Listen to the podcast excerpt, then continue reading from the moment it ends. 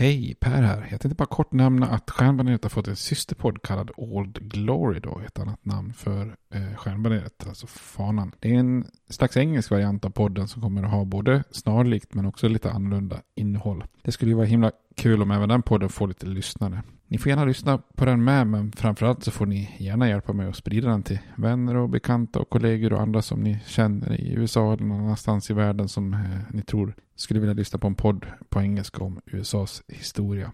Tack, det var bara det jag ville säga. Nu kommer avsnittet. Hej då!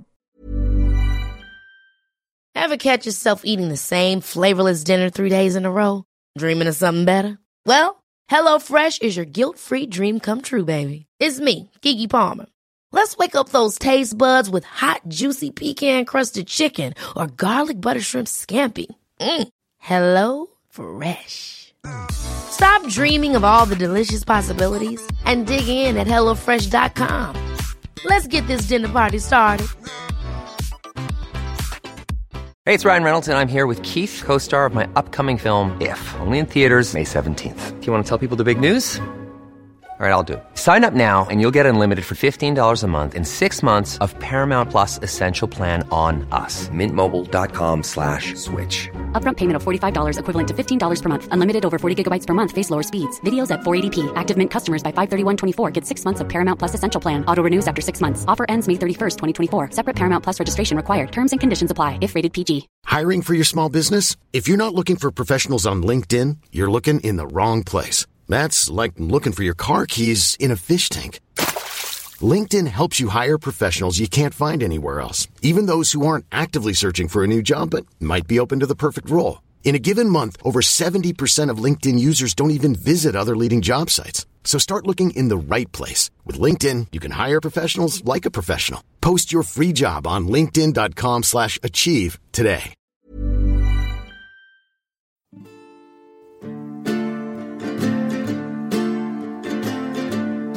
We hold these truths to be self-evident, that all men are created equal, that they are endowed by their Creator with certain unalienable rights, that among these are life, liberty, and the pursuit of happiness. Now we are engaged in a great civil war, testing that government of the people, by the people, for the people, shall not perish from the earth. And so, my fellow Americans, ask not what your country can do for you, ask what you can do for your country. I have a dream. My four little children will one day live in a nation where they will not be judged by the color of their skin, but by the content of their character. Mr. Gorbachev, tear down this wall. I did not have sexual relations with that woman, Miss Lewinsky. Då säger vi hej och välkomna till Stjärnbaneret igen. En podcast om amerikansk historia. Eh, med mig Per och med dig Robert. Hur är läget? Det är bra. Jag är med via Skype idag igen då. Du är ju i Falkenberg och jag är kvar i Göteborg. Precis.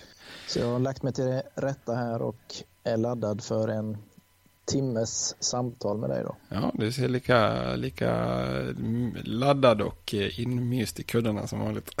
Ja, jag är avslappnad här och redo. Ja, ja man kanon.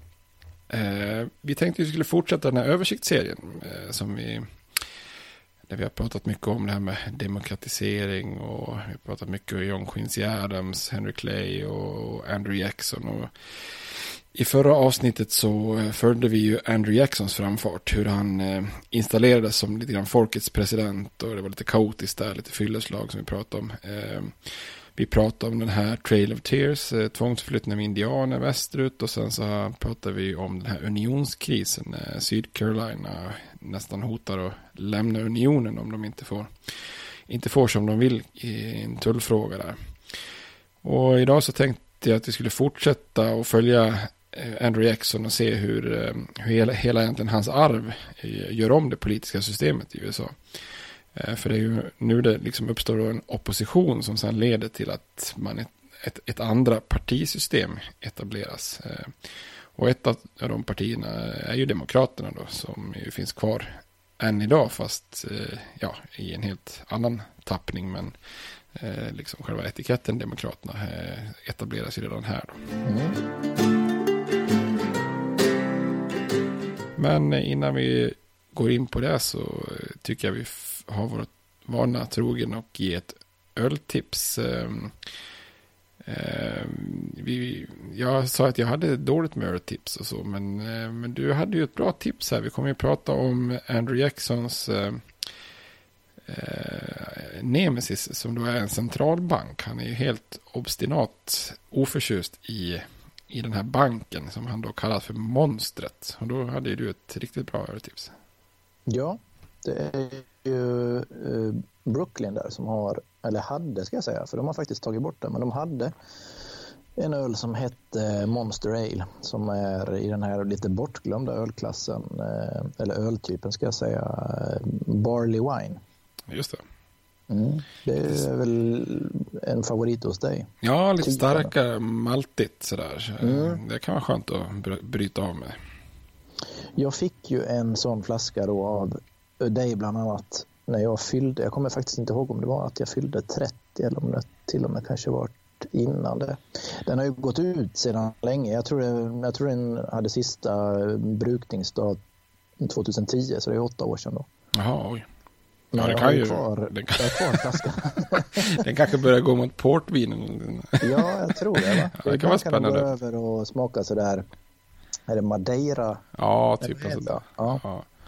Så den, eh, den får vi väl testa någon gång. Nu har jag ju fyllt 40. Ska man spara den tills jag har fyllt 50? Eller när ska man ta den? Det kanske är lite väl långt. Ja, ja, vi kanske ska... Vi, vi, vi har en tillställning när du fyller 45 kanske. Ja, eller så tar vi det ju snart, 41 då. Kan man säga det. Ojämnt och bra. Ja, det kan vi köra. Men det är en silveretikett, va? Visst var det? Ja, precis. Ja. Silver. Mm. Ja, vad synd att de har slutat gjort den. Det är ju tråkigt. Ja, jag tror inte den fick så det jättebra eh, betyg av eh, de som har smakat den. Så jag vet inte om den inte heller då sålde så bra. Så det var därför de plockade bort den. Ja. Jag har inte heller tittat om de har ersatt den med någon annan eh, Nej, det känner jag Barley Wine eller om det är någon annan. Men jag, jag tror faktiskt inte det. Men eh, ja, det är ju synd. Det. det är ju lite, men det är klart, det kanske inte är så populärt. Men om man tänker sig, många idag kanske vill ha, det blir den riktiga IPA-trenden och så blir det så här, många vill ha kanske en lägre alkohol, och blir det session IPA, det blir väldigt populärt. Och det här är väl nästan, kan man säga, den diametrala motsatsen mot en session IPA. Det är inte så humlig, eh, kraftig, alkoholstark, eh, maltbaserad öl. Så det blir, ja. Ja, precis. Det känns som den där IPA-trenden har lite börjat säga, matta sig. Det, det har ju gått över, som vi har pratat om, den här eh, New England IPAn är ju väldigt stor fortfarande. Ja. Eh, I olika former, lite starkare det kom. Eh, sen måste man ju säga att surölen nu verkligen har slagit igenom också. Ja. Eh, det är väl den nya hippa ölen tycker jag. Ja. I olika former. Berliner Weiss och Goes och... Ja. Jo men det är väl inne, ja. inneölen nu för tiden. Ja. ja. Men snart kanske någon av de klassiska sorterna kommer tillbaka då. Kanske den här. Barley Wine. Ja, vi får, vi får jobba för det. ja. Mm. Så Monster Ale med koppling till monstret centralbanken då. Ja, kanon.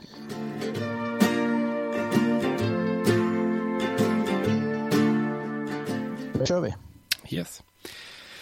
Eh, och vi pratade ju som sagt förra gången om den här konflikten med Sydcarolina och eh, samtidigt som Andrew Jackson försöker lösa den konflikten som president då, ehm, så går ju landet till presidentval igen eh, år 1832. Eh, för han vann ju valet 1828. Så att fyra år senare så är tanken att han ska ställa upp igen då.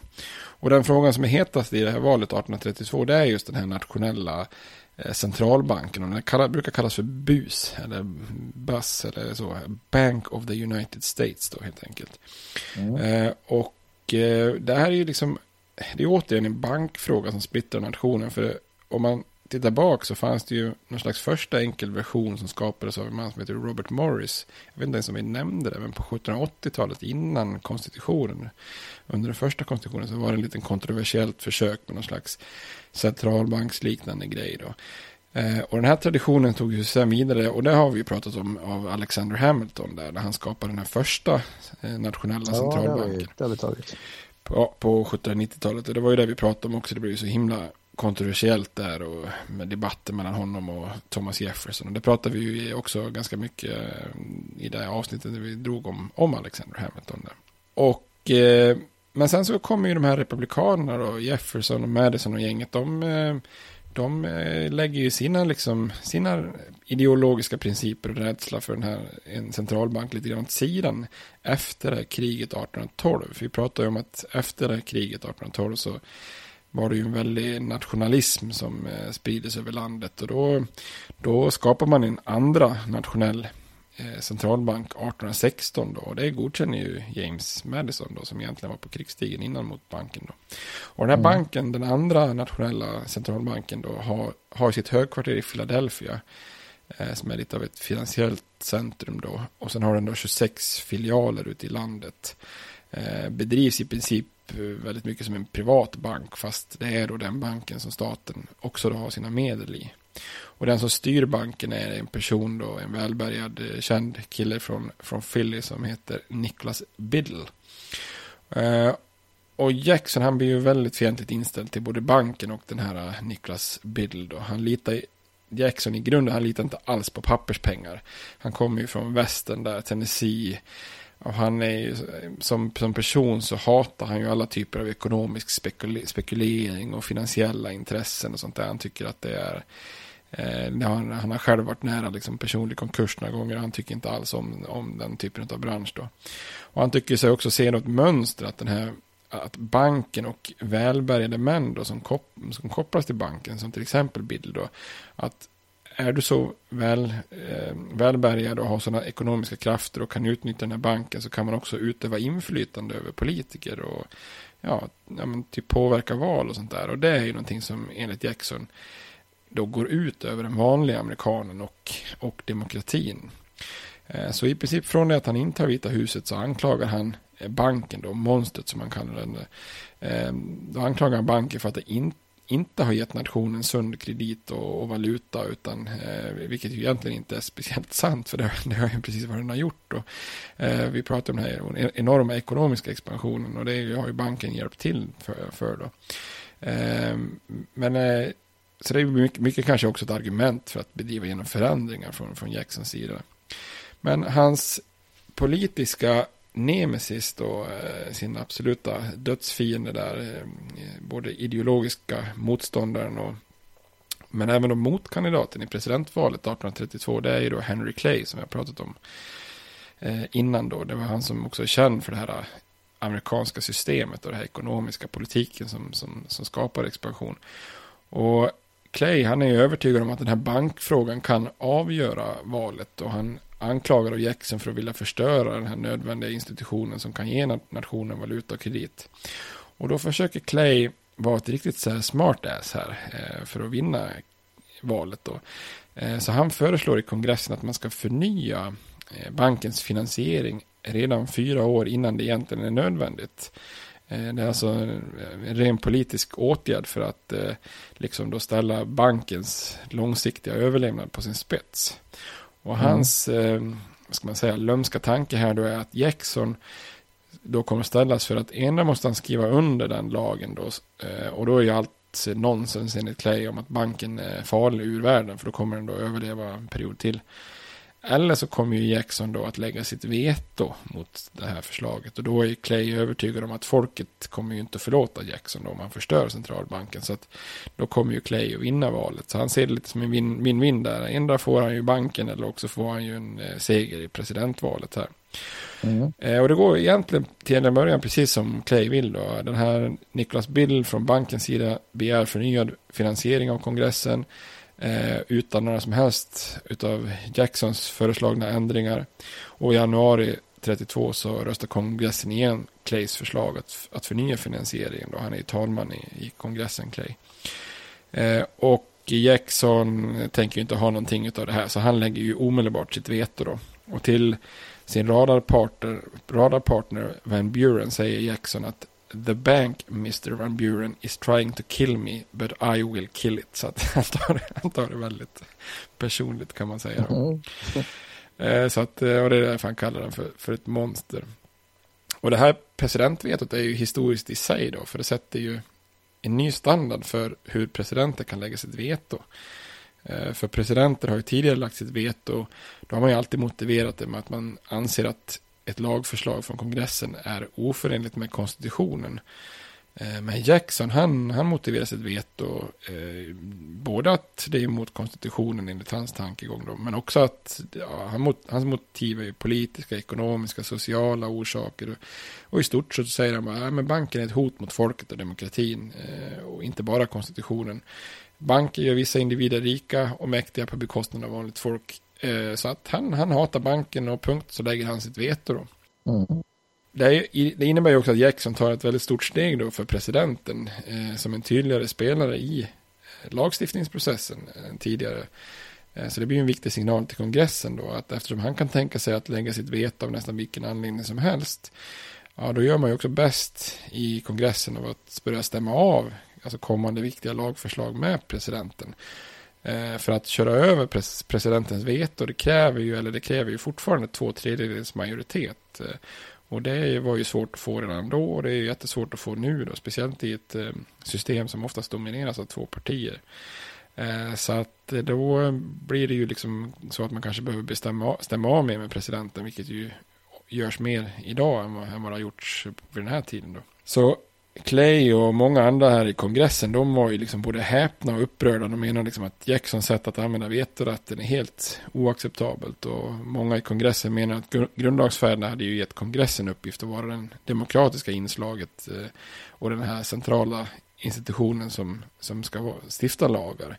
Inte, inte presidenten på något vis. Och nu, nu menar ju då till exempel Daniel Webster som vi pratade om förra avsnittet att hela den här maktdelningen blir ur spel och att Jackson försöker säkra upp att det, ska, det är han som ska vara initiativtagare till lagstiftning och inte kongressen.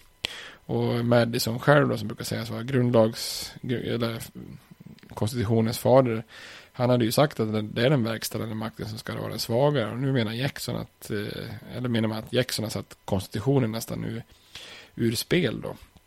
Men eh, det är ju vad Clay berör då, så hans upprördhet det döljer ju ändå ett litet, litet illvilligt leende här nu. För han tänker sig att den här enorma upprördheten över både att han lägger sitt veto och sättet som han lägger sin veto. Det måste ju bara eh, avgöra det här presidentvalet 32, 1832 till hans mm. fördel. Så han är ju lite, lite nöjd sådär bakom kulisserna kan man säga.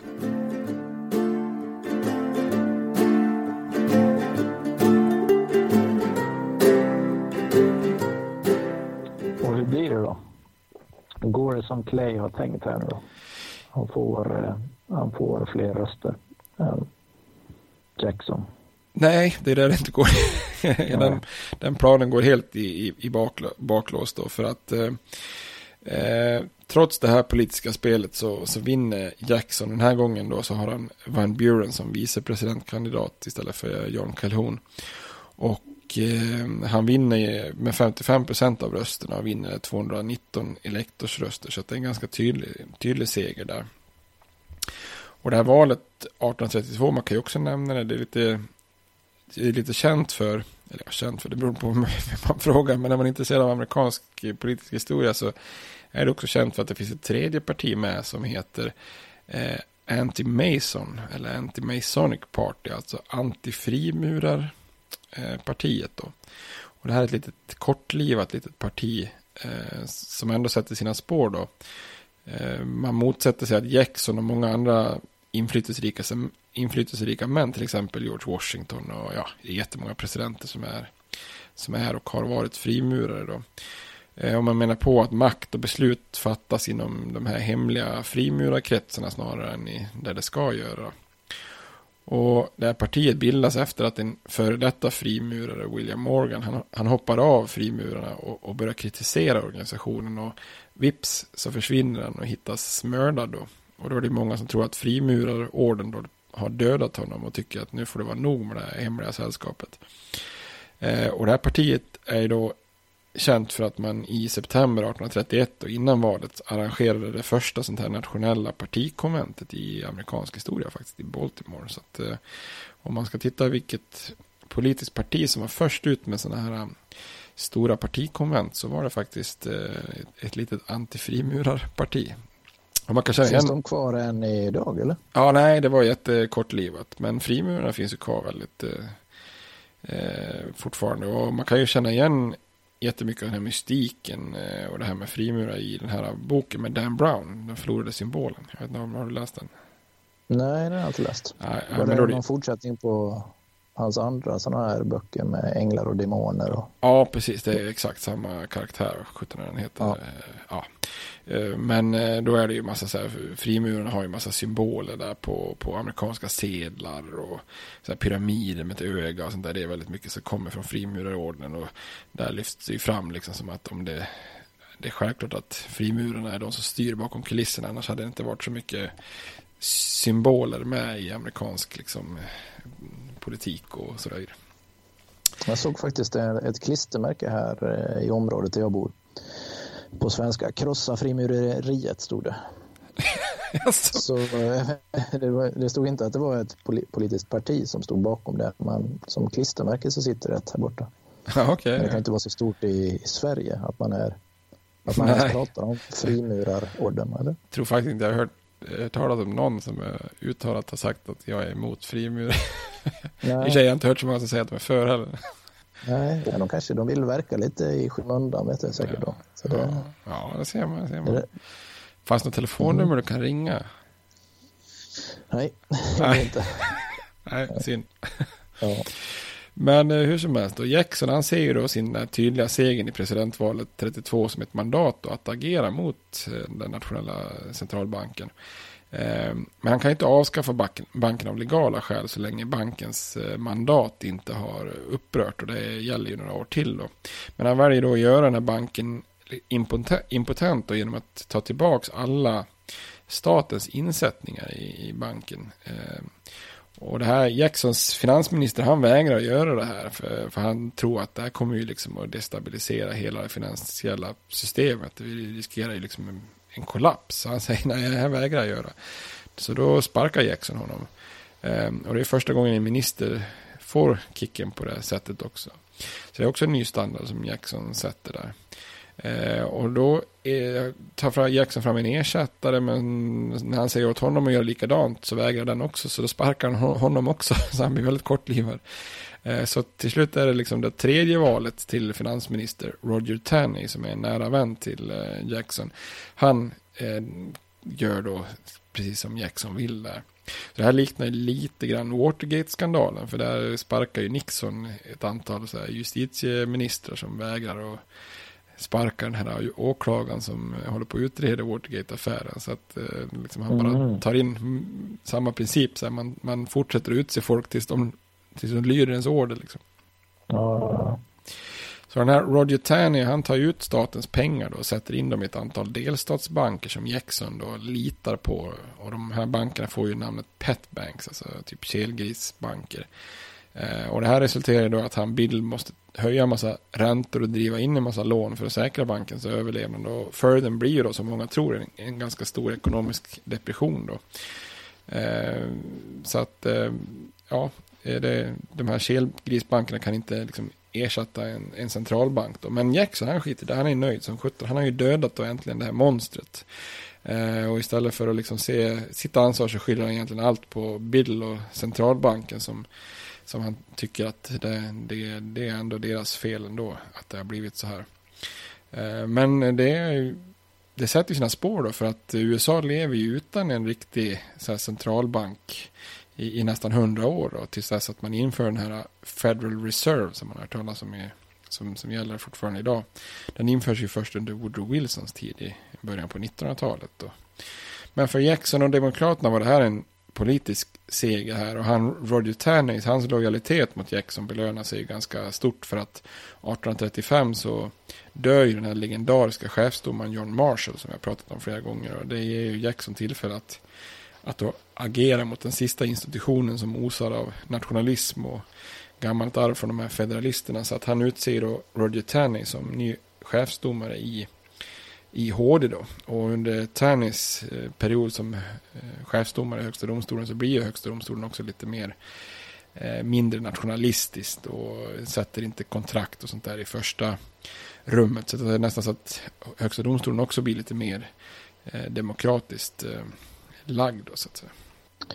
Men du pratade i början här också om ett uh, nytt partisystem. Nu nämnde du antifrimurarna här, men sen kommer också det som blir Demokraterna, sa du va? Ja, precis. Det är ju Jacksons eh, falang. Ja. Så att, eh, men det kommer ju då en opposition som bildar ja, ett en parti. opposition till det. Ja. ja, så är det. Och det är ju egentligen då Jacksons eh, hantering av den här tullstriden med South Carolina och den här andra nationella banken som på något vis då kan ena lite så här spridda oppositionsgrupper då. Och de här oppositionen har ju en sak de kan liksom enas runt och det är ju hatet mot Andrew Jackson helt enkelt då.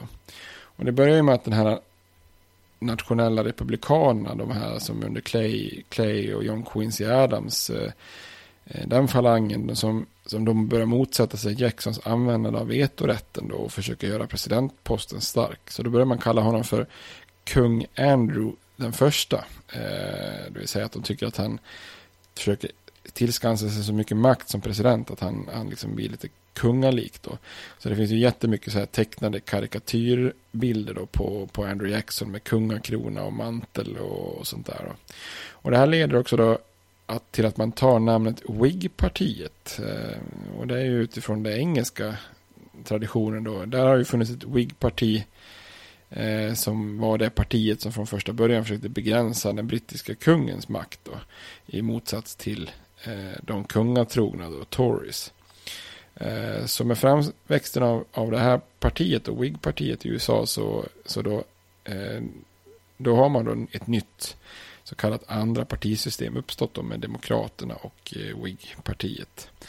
Och Demokraterna då, de försöker ju utgöra sig för att vara partiet för vanligt, sådär ärligt, hårt jobbande folk och man försöker då förespråka en begränsad federal makt och att makten inte ska kunna samlas hos en korrupt elit. Då.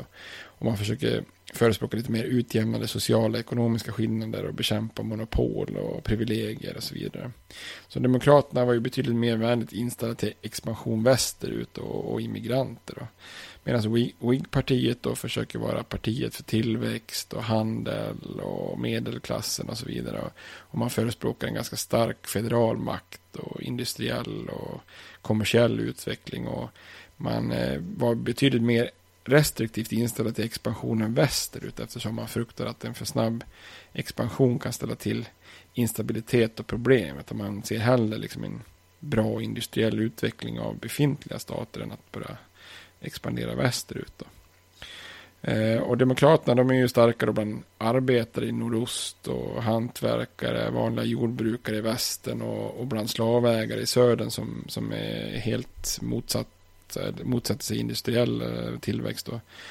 Eh, och Demokraterna är också dominerande då bland nyanlända invandrargrupper och framförallt nu när det börjar komma då irländska och tyska katoliker. Tidigare har det inte kommit så mycket katoliker till USA, men nu på mitten av 1800-talet och början av 1800-talet börjar det komma allt mer katoliker. Då.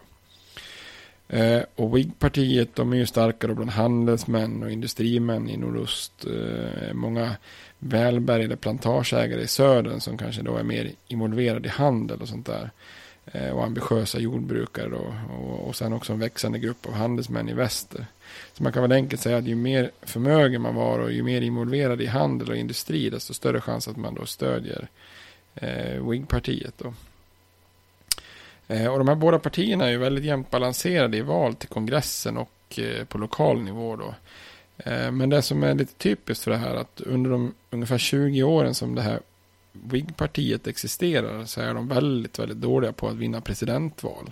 Där är Demokraterna mycket bättre. Då. Och Demokraterna de frontas ju då av personer som Jackson och Van Buren och vi kommer att prata om en som heter James Polk.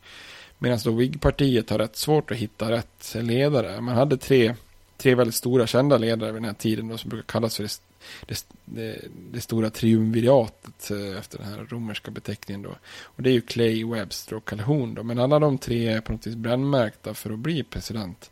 Henry Clay, han är ju lite märkt av den här korrupta uppgörelsen med John Quincy Adams 1824 och uppfattas som lite oärlig och falsk. Och han försöker bli president tre gånger men misslyckas alla tre gångerna. Det är, det är inte så många personer i historien som har försökt bli president så otroligt många gånger. Då. Och Daniel Webster, han är väldigt populär med fantastiska tal och så när han försvarar konstitutionen och så. Men han förknippas väldigt mycket för, med en ekonomisk elit i New England. Så han har ju väldigt svårt att vinna röster i södern på grund av det. Plus att han drack lite för mycket. Så att han är inte riktigt någon sån här bra nationell kandidat. Och den tredje, John Calhoun, då, han var ju en jättepopulär nationalist från början då. Men han är inte riktigt så här en äkta wig ideologisk. Han är snarare bara emot Jackson liksom efter den här striden som vi pratade om. När eh, han, hans, Jackson och hans, eh, eller Calhoun och hans fru började snobba sig lite grann i Washington och där. Och efter den här unionskrisen med South Carolina så är det svårt för honom att bli president då. Så att eh, de är lite dåliga på att vinna president val. Och, så, och eh, när det är dags för nytt val då, 1836, då har ju Andrew Jackson, han tänker bara sitta två gånger som är den normala praxisen. Och han utser då sin vapendragare och vicepresident Van Buren till eh, arvtagare. Eh, och i det här valet då lyckas inte ens Whig-partiet kunna ena sig om en enda kandidat att stå bakom. Så då försöker man en liten udda taktik. Den är inte här, det är en taktik som inte har försökt så särskilt ofta i, i presidentval i USA. Utan man, man ställer helt enkelt upp med fyra olika regionala kandidater som man hoppas att var och en är väldigt stark i sitt område och att man då kommer att vinna så många elektorsröster i några få stater som, så det gör att då Van Buren inte får 50% majoritet då. Och eh, om ingen kandidat får 50 procent, eh, som vi har pratat om innan, så avgörs ju valet i representanthuset. Och då skulle man ha större chans att med, med en majoritet där kunna ställa sig bakom en av sina kandidater. Så man försöker liksom splittra, splittra fältet för att eh, se till att Van Buren inte ska få majoritet. Men eh, mm. det är också en, en, en, strategi som går helt i baklås för att eh, Van Buren han vinner otroligt enkelt med 170 eh, elektorsröster mot 124 för samtliga WIG-kandidater. Så att de, de går inte så särskilt bra som det var tänkt. Då, tills. Mm. Um, och det finns faktiskt en enda ytterligare vicepresident som har blivit president sen av egen maskin, alltså via ett val. Det är många som har vicepresidenter som har blivit president, men då är det ju för att den ordinarie har eh, har eh, dött eller mördats eller någonting sånt där. Eh, men, mm. men det är en vicepresident som sen då när den ordinarie eh, inte ställer upp, ställer upp själv då och, och vinner. Och det är faktiskt lite mer i modern tid. Det var George, George Herbert Bush, Bush den äldre. Mm. Ja, han var ju vicepresident under Ronald Reagan och sen så när Reagan eh, inte skulle ställa upp igen så, så vart han ju faktiskt president själv där en gång. Okej. Okay. Men det måste ha varit några som har varit nära och blivit presidenter också. Uh, Al Gore var väl vicepresident för Clinton och ställde upp sen efteråt va? Det ja, det stämmer. Så det måste ju finnas några sådana i alla fall som har försökt men inte jo. lyckats då. Precis, ja men det är det ju. Helt klart. Det pratar vi ju, för det var inte så många avsnitt vi pratade om. Nej. Al Gore mot uh, George W. Precis, jag tänker man kan ha lite, man skulle kunna ha lite dragkraft av att ha varit vicepresident om det har varit en ombytt president. Ja, precis. Då borde, Nej, men det är ju det. Så det sätt så borde det kanske ha varit fler genom historien. Man, ja, faktiskt.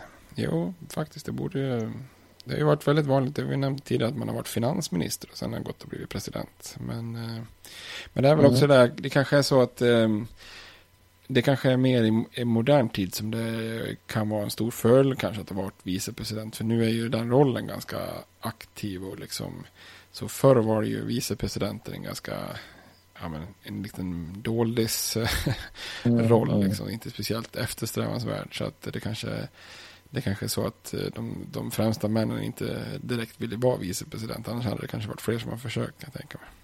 Ja.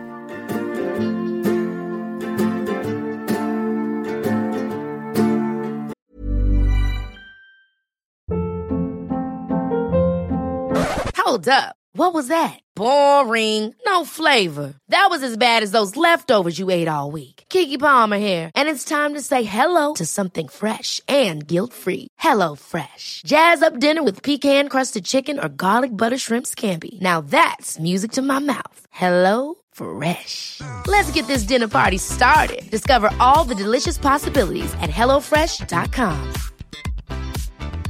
Hey, it's Ryan Reynolds, and I'm here with Keith, co star of my upcoming film, If, only in theaters, May 17th. Do you want to tell people the big news?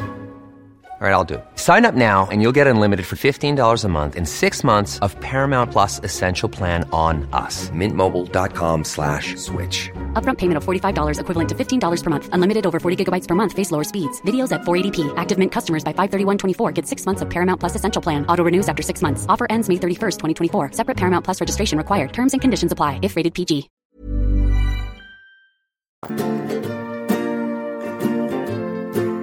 Men vi kan kolla lite grann hur det går för den här Martin Van Buren i, i Vita huset. Eh, han, Ja. och det är lite grann så när, när Jackson avgår så är ju han kanske en av de mest populära figurerna någonsin i amerikansk politik där och då i alla fall. Och hans efterträdare Van Buren är inte riktigt lika populär och hans tid i Vita huset, Vita huset ska bli eh, ganska besvärlig för det går lite grann liksom åt fel håll där. För bara två veckor innan Jackson lämnar rodret till Van Buren då inträffar just den här finansiella kollapsen som, som många hade förespått när, på grund av Jacksons då, eh, krig mot den här centralbanken. Eh, men det är också så att det är inte bara därför. Det är åren innan så har det pågått en enorm spekulation och landförsäljning och enorma investeringar och den federala staten har sålt jättemycket landområden i väster och samtidigt som man för första gången då börjar få in rejäla tullintäkter. Det innebär att den federala makten har haft en, ett enormt överskott. Alltså den federala budgeten har gått med enormt plus. Det är ju helt otroligt jämfört med idag. När den går typ med eh, så här sju- sjuka minussiffror liksom. Eh, Men det man gjorde då var att man bara helt enkelt distribuerade det här överskottet eh, enligt en lag 1836 till delstaterna som sen pumpar in pengarna i olika projekt, infrastruktur och sånt där. Eh, och en av de sista åtgärderna som Jackson gör innan han avgår är att han kräver att betalning för federal mark måste göras i, i stabila valutor som backas upp av silver och guld.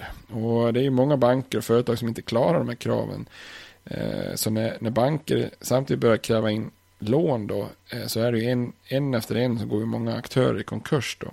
Så 1837, ehm, samma år som Van Buren tillträder så Eh, så kommer då en så kallad paniken 1837. eh, Som blir då en ekonomisk depression som, eh, som är allvarlig och den varar i princip i tre år fram till 1840. Så det innebär att den stackars Van Buren han spenderar i princip hela sin presidenttid med att försöka hantera den ekonomiska krisen. Så att det är inte så konstigt att han inte blir jättepopulär. Nej. Eh, Men även om inte hans presidenttid är så jättekänd, eh, eller, ja, känd kanske är, men eh, inte den bästa eller mest intressanta, så han är ganska spännande som person Van Buren, för han är den för, faktiskt den första presidenten som är född i USA, alltså att han är född efter självständighetsförklaringen 1776. Så nu börjar vi Ja. se att vi har kommit framåt en bit. Alla andra har fötts som engelsmän, eller engelska Ja, medborgare. det. Men trots att han egentligen då rent födelsemässigt är den första riktigt amerikanska presidenten så är han paradoxalt nog också den enda presidenten någonsin som inte haft engelska som modersmål. Eh, för som det, man hör på namnet så hade hans familj nederländskt ursprung, eh, Van Buren. Eh, och det här pratade vi ju om i avsnitt sju när vi gick igenom de här mellersta kolonierna. Eh, vi pratade här om att New York från första början eh, var en, en, en nederländsk koloni, Nya Nederländerna. Vi pratade om att New York eh, City, alltså staden New York, egentligen hette Nya Amsterdam. Och att det var Mm. mycket, många ord och familjenamn och ortsnamn som hade nederländskt ursprung, till exempel Harlem och sånt där. Och det var ju många familjer som blev kvar, även om, om liksom eller kolonin eh, New York blev eh, engelskt så var det ju många av de nederländska kolonisterna som stannade kvar. Och även om de liksom blev en helt integrerad del av USA så, så var det ju så att man fortsatte att prata då nederländska runt köksbordet. Och den här Van Burens familj, familjen Van Buren är uppenbarligen ett av dem då, för han, Martin är ju född 1782 då, och det är ju ganska långt efter. New York blev ju brittiskt 1664 och han är född 1782 och de pratar fortfarande nederländska som en självklarhet i sitt, i sitt hem. Ja. Det är ganska, ganska långt, eh, ganska stabil, liksom, eh, att man håller kvar vid det där. Mm. han är född i orten Kinderhook. Eh, och han kallades ju då för The Red Fox of Kinderhook eftersom han hade lite rött hår och var så politiskt eh, slug som en räv. Liksom. Eh, och eh, där, eftersom han var så slug så, så fick han ju också smeknamnet Little Magician som vi pratade om innan. Det är coola namn. Ja, fantastiskt bra namn. Det hade man gärna haft. ja, precis. Alltså jag tror du ville heta The Little Brewer. Ja, kan man inte kombinera dem då? The Little Brewer Magician. ja, det, ja, det ska bli mitt nya namn på dig. ja, alltså, som han styrde också under den här ekonomiska krisen så fick han också tilltalsnamnet Martin van Ruin. Mm -hmm. Fyndigt va? Stackarn. Han är inte så känd. Jag hade nog inte, och man har väl hört hans namn, men jag, jag hade nog inte eh, sagt att han har varit president. Bara någon politiker av något slag. Möjligtvis så hade jag trott att han var en av de här stora entreprenörerna kanske. Ja, som Rockefeller eller något sånt. Jag bara blandar ihop hans namn. Man har ju hört det som sagt. Ja, ja. Du nämnde ju också det här med uh, Seinfeld. Att de har ju ett avsnitt som heter ja. uh, The Van Buren Boys. Va? Ja, det är helt fantastiskt. Det är ju ja, det är ett gatugäng ja, det är helt sjukt. Det är så jävla roligt. Jag fattar inte hur de har kommit på det här. Både Kramer och George får ju problem med ett gatugäng som heter The Van Buren Boys. Och, mm. och de är ju egentligen allt annat än coola, coola men de, de viftar ju lite med kniv och sådär. Och då har de ju, ja det är sjukt, men de har ju Van Buren som idol, det här gatugänget. Varför de nu har det framgår ju aldrig riktigt. Men, och då har de ju sådana här vad heter det, så här, gatusymboler, eller så här i hälsning liksom. Ja. det är att hålla upp åtta fingrar, alla på en hand och alla utom tummen och pekfingret på den andra handen.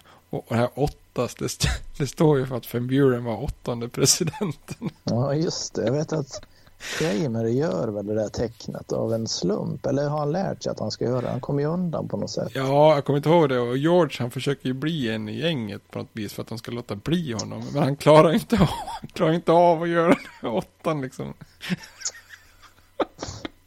ja, det är helt fantastiskt. Ja, det var ju, ja, det är rätt... Uh... Det är rätt roligt när man såg, såg det. Man visste vem Van Buren var. Så att de har kommit på att det finns ett gatugäng som heter Van Buren Boys. Det, är ju bara, det är bara ännu en stjärna i kanten till vad jag tycker är kanske den bästa tv-serien i världen. Man skulle ju vilja varit med när de satt och kom på det här. När de tänker fram det. Vad ska vi kalla det här gänget? Eller hur ska vi göra? Ja, precis. Det måste vara väldigt roligt. Ja, precis. Hur man kom på det där med åttan också. Det är ju fantastiskt. Ja. Ja, men hur som helst då, så den, den här ekonomiska krisen då, den, den kostar i alla fall Van Buren möjligheten att väljas om i, i eh, presidentvalet 1840 då. Men han, är, han kommer faktiskt inte att försvinna, precis som John Quincy Adams eh, eh, så är han ju en av de här få presidenterna som, som, som är väldigt politiskt aktiva efter eh, de har varit presidenter. Och även Van Buren är lite motståndare till slaveriet och kommer ju att vara eh, kommer också vara presidentkandidat några år senare för ett väldigt kortvarigt parti som heter Free Soil Party som är lite så antislaveriparti. Så att vi kommer att komma tillbaka till Van Buren eh, senare faktiskt. Ja. Men då är det dags för ett till presidentval igen. Hinner många det här mm. avsnittet. Jag tänkte, jag satt precis och räknade. Det blir det tredje vi tar upp då. Ja, det blir det nog. Ja. det har gått ganska snabbt framåt här. Ja, det har det gjort. Ja. Och Whig-partiet då, som vi sa, det partiet som har haft svårt att vinna presidentval då. 1940 så förstår man att vi måste enas runt en kandidat, inte försöka med något sånt där trick att ställa upp med många då. Och då väljer man en av de här kandidaterna som, var, eh, som man hade förra eller valet innan. Och det är William Henry Harrison heter han.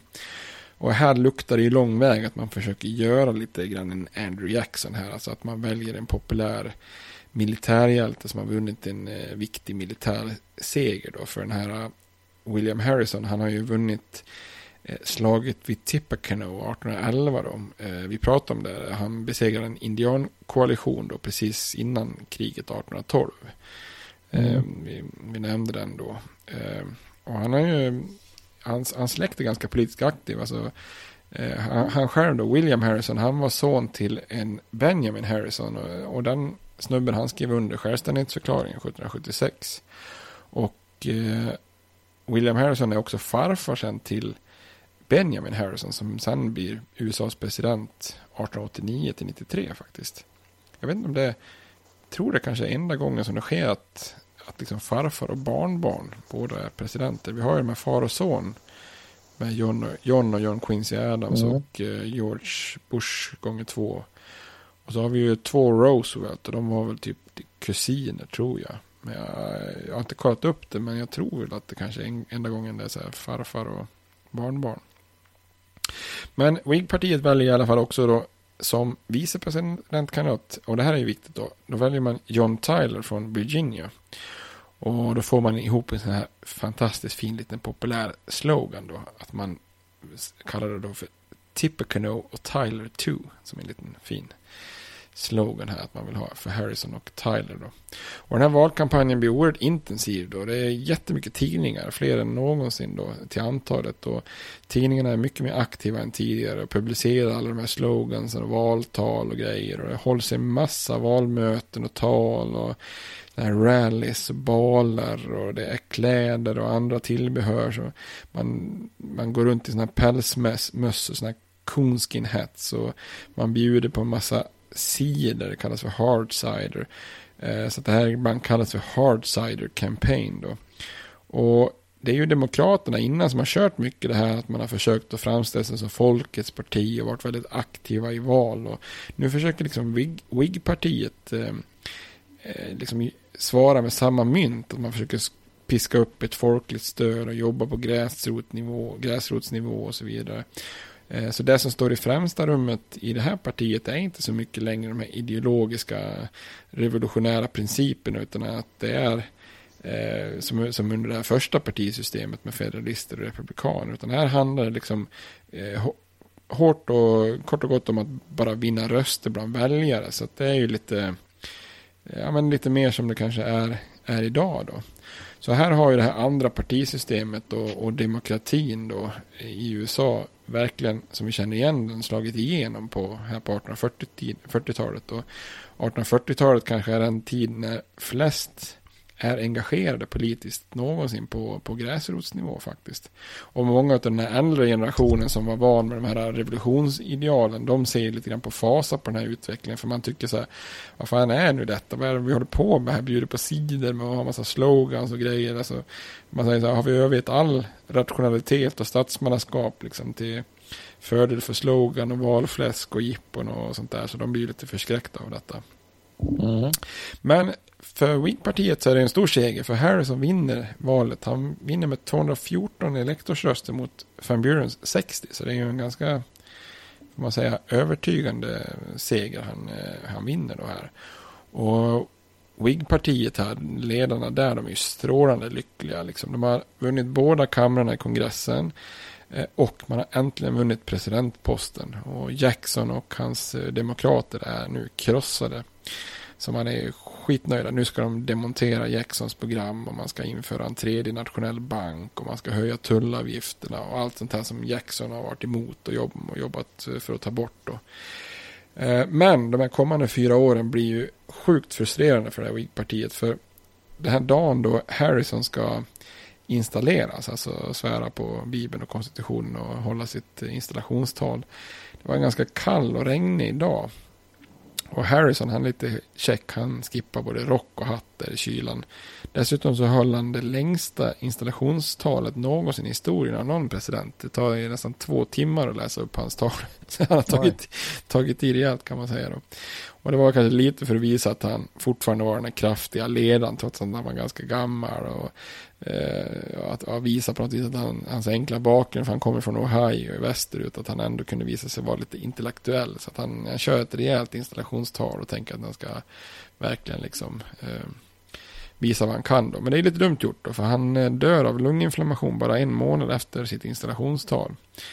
Eh, vilket gör att Harrison är den president som har suttit kortast av alla presidenter, bara 30 dagar. Mm. Eh, jag har aldrig hört talas om honom.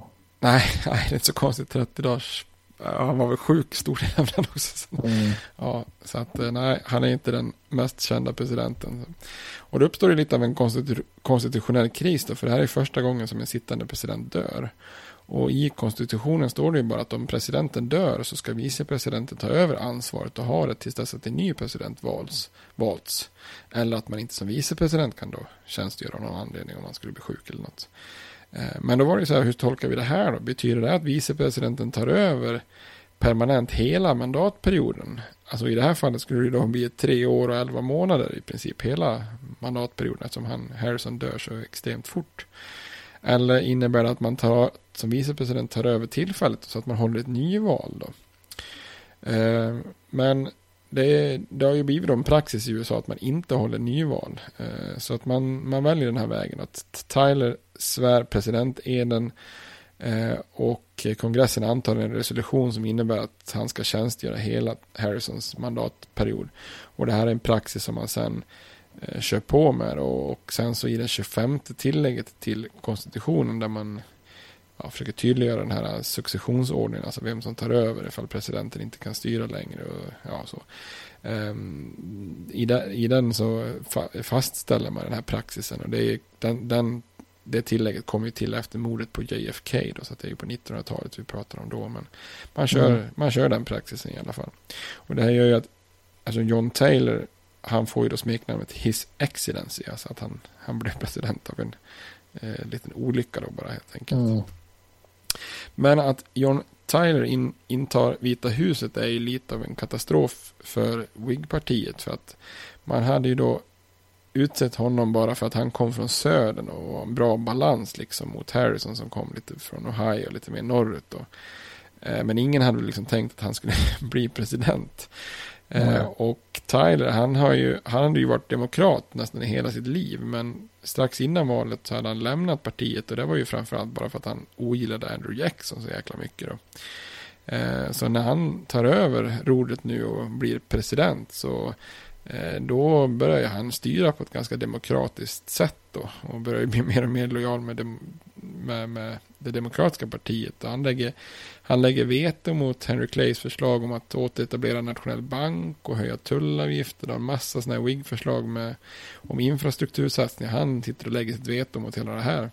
Så de blir ju helt vansinniga i WIG-partiet och det slutar med att han utslu, utesluts ur partiet. Så det är lite speciellt att den sittande presidenten utesluts från det parti som har valt honom till president. Ja. kan man säga. Eh, och samtliga WIG-ministrar då i Tylers administration, de avgår då i protest. Eh, och då utser ju Tyler nya ministrar och då är det bara demokrater då. Mm. Bland annat så tar han in den här John Calhoun, han från South Carolina. Då. Um, så trots att man vinner presidentvalet 1840 då äntligen i det här Whig-partiet så, så är det ändå motståndarna som får makten. Så det är snack om ett eh, antiklimax på något vis. Då. Och det här innebär ju också att ett gäng väldigt konservativa före detta Whig-ledare som alla var slavanhängare, som till exempel då John Calhoun, eh, de ansluter sig i det här läget till Demokraterna. Eh, och Demokraterna tar ju därmed ett ganska stort kliv i riktningen att bli det partiet som förespråkar att slaveriet ska tillåtas och expanderas västerut med en väldigt stor passion. Eh, många som trodde på delstaternas rättigheter i förhållande till den federala makten och vidare. Och det här visar sig ganska snart för Tyler han är då väldigt positiv till, eh, till att uppta då Texas i, eh, i USA som en, som en del av USA. Då. Men eh, det här med Texas expansion västerut och krig mot Mexiko det tänkte att eh, det får vi återkomma till i kommande avsnitt helt enkelt. Mm, spännande. Yes, jag tänkte uh, kunna nämnt lite grann hur Jackson uppfattas idag som president. Men jag tror att vi tog förra avsnittet. Så vi, mm. hoppar, hoppar där. Mm. Uh, han är ju kontroversiell figur. Men än så länge är han ju med på 20 dollar Andrew Jackson. Uh, det, jag tror att det finns en tanke att flytta honom från framsidan till baksidan på 20 dollar och sen låta eh, Harriet Tubman inta framsidan faktiskt. Eh, idag är det Vita huset på baksidan. Men att man ska ersätta för att liksom lyfta fram en, en viktig kvinna istället. Då. Så då han kanske får hoppa till baksidan på sedan Andrew Jackson kanske. Ja, ja. Harriet Tubman kommer väl komma tillbaka men det är ju en slav som flyr slaveriet och är sen en jätteengagerad abolitionist och motståndare till slaveriet. Och hon är väldigt aktiv i den underjordiska järnvägen faktiskt. Vi gjorde ett avsnitt om honom i, om, om henne på um, P3 Historia, en annan podd. Det var spä- spännande, bra, kul att lyssna på. Men vi kommer kanske komma tillbaka till henne senare. Men hon kanske puttar bak Jackson från fram till baksidan på 2020. Ja, ja. Ja, det var, det var ett... Eh, jag har klarat av en bra bit av 1840-talet här. ja, vi drog förbi där några presidenter och presidentval. Och...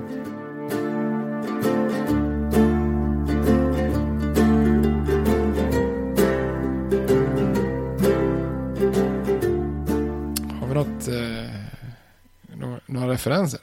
Nej, vi har inte så mycket. Jo, då, det finns så mycket som helst.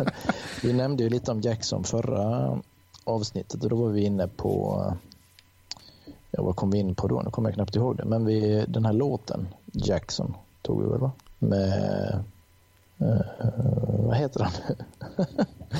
den här får du klippa sen. Jo, eh, Johnny Cash, nämnde vi inte Jackson då?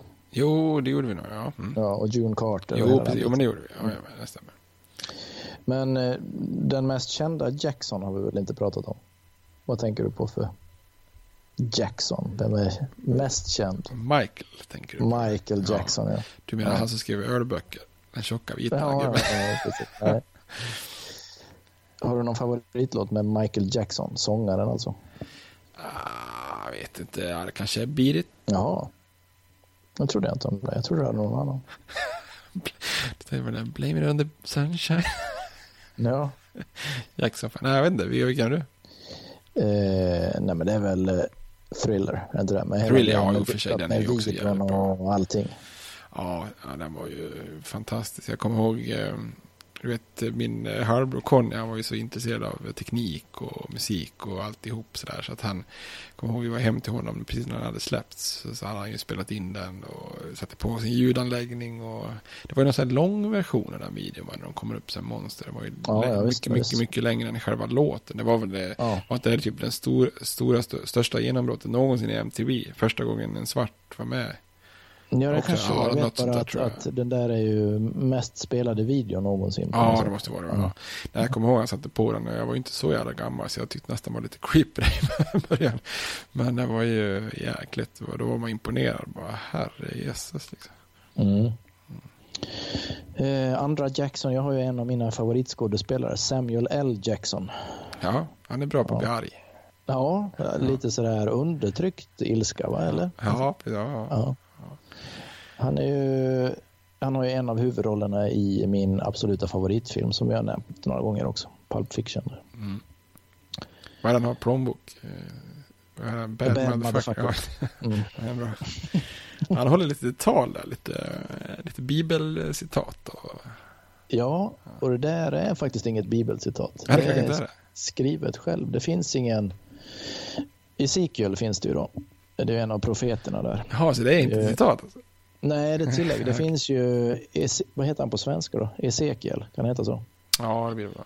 Ja, det finns ju 25-16 då som eh, stycke och vers. Men det här är ju 25-17 så det är ju ett, ett eget tillägg han har skrivit. Vad roligt. Ja, är typiskt Tarantino. Han är väl på väg med en ny film nu? Ja, det kanske han är. Jag tycker han tappar mer och mer. Ja, för varje film han gör på något sätt. Ja. Eh, han är fortfarande bra naturligtvis, men det blir inte så bra som det var de första filmerna han gjorde Nej, och skrev manus till. Men, men, det kan alltid dyka upp, dyka upp någon som är skitbra kanske. Du, det är ju också en koppling i och för sig. Han gjorde ju en film som heter The Hateful Eight. Och du sa ju nu Van Buren där, Ja, ja, nummer åtta. Och, nu kopplar vi ihop det fint Ja, där. Vi kanske ska få avsluta det hela. Ja, jag ska se om jag kan göra den här åttan. Ser du den? i- Ja, ser jättebra ut. Ja, stark symbol. Ja. Ja, har du något mer? Nej, jag satt och kikade runt på andra Jackson för jag, hade ju sett det gick på tv här inte för allt för länge sedan. Percy Jackson och kampen om Åskviggen. Vad är det Ja, lite fantasy, de blandar in olika ja, vad ska man säga, religiösa skrönor och annat. Eh, det är väl lite, eh, jag har för mig att Neptunus dyker upp och lite sådana här gudar från Mhm. antiken. Men det roliga med den var att regissören där, han heter eh, Chris Columbus. Chris Columbus. okej. Nästan som Christopher Ja, Columbus. verkligen. Ja. Som en eh, smeknamn. För, Ja, precis. vi kallar han Chris. Han heter Christopher Columbus, men vi kallar han Chris. ja, jag kom på det. Vi kommer att prata mer om, om Jackson sen senare. Men då blir det ju Jesse Jackson som ju Ja. seriös eh, första, första svarta kandidaten som gjorde ett riktigt så seriöst försök att bli president. Ja, men det är längre fram. Ja, precis. Då är vi ju då är vi bra bit fram. Ja. Nej, men utöver det har jag faktiskt inte så mycket. Du hade ju nämnt själv där med Van Buren Boys och Seinfeld. Det tänkte jag att det fick du hålla i. Jag tror du har bättre koll på just det avsnittet än mig, men det är, jag håller med om att det är en väldigt, väldigt bra serie. Seinfeld. Vi har väl återkommit till den ja, minst fem sex gånger under de Ja. här 35 avsnitten vi har gjort. Va? tycker jag är jättedåligt egentligen. Jag tycker det borde vara med varje avsnitt. Ja, man skulle säkert kunna ha en referens per ja, avsnitt vi spelar in till ja, Seinfeld. verkligen. Ja, vi får fundera på det. Det måste komma. eh, Vi, vi, vi får bli bättre på den, den fronten. helt enkelt. Ja, det får vi. Ja. Nej, nu Ja. ser vi fram emot nästa med Texas och Utah och Oregon. Japp, och Kalifornien Ja. ska vi till. Och Kalifornien Ja, också. det blir riktigt bra. Det blir spännande. Alltså, så blir det ett nytt krig här. Jag ser ju att alla våra avsnitt nu i, om krig går bäst på nedladdningar. Det är konstigt. Ja. Ja. Det blir Mexikokriget helt enkelt. Ja, du får nästan kalla eh, avsnittet Mexikokriget så att folk ser att det är krig då. Ja. Ja, Först skriver jag krig, sen mot Ja, Mexiko. precis, precis, ja. ja, men fint. Ja Vi hörs. det gör vi. Ja, hej hej. Hej. States like these and their terrorist allies constitute an axis of evil. And if the hippies and the yippies and the disruptors of the systems that Washington and Lincoln as presidents brought forth in this country will shut up and work within our free system of government, I will lower my voice. if the impeachment provision in the Constitution of the United States will not reach the offenses charged here, then perhaps that 18th century Constitution should be abandoned to a 20th century paper shredder. Therefore, I shall resign the presidency effective at noon tomorrow.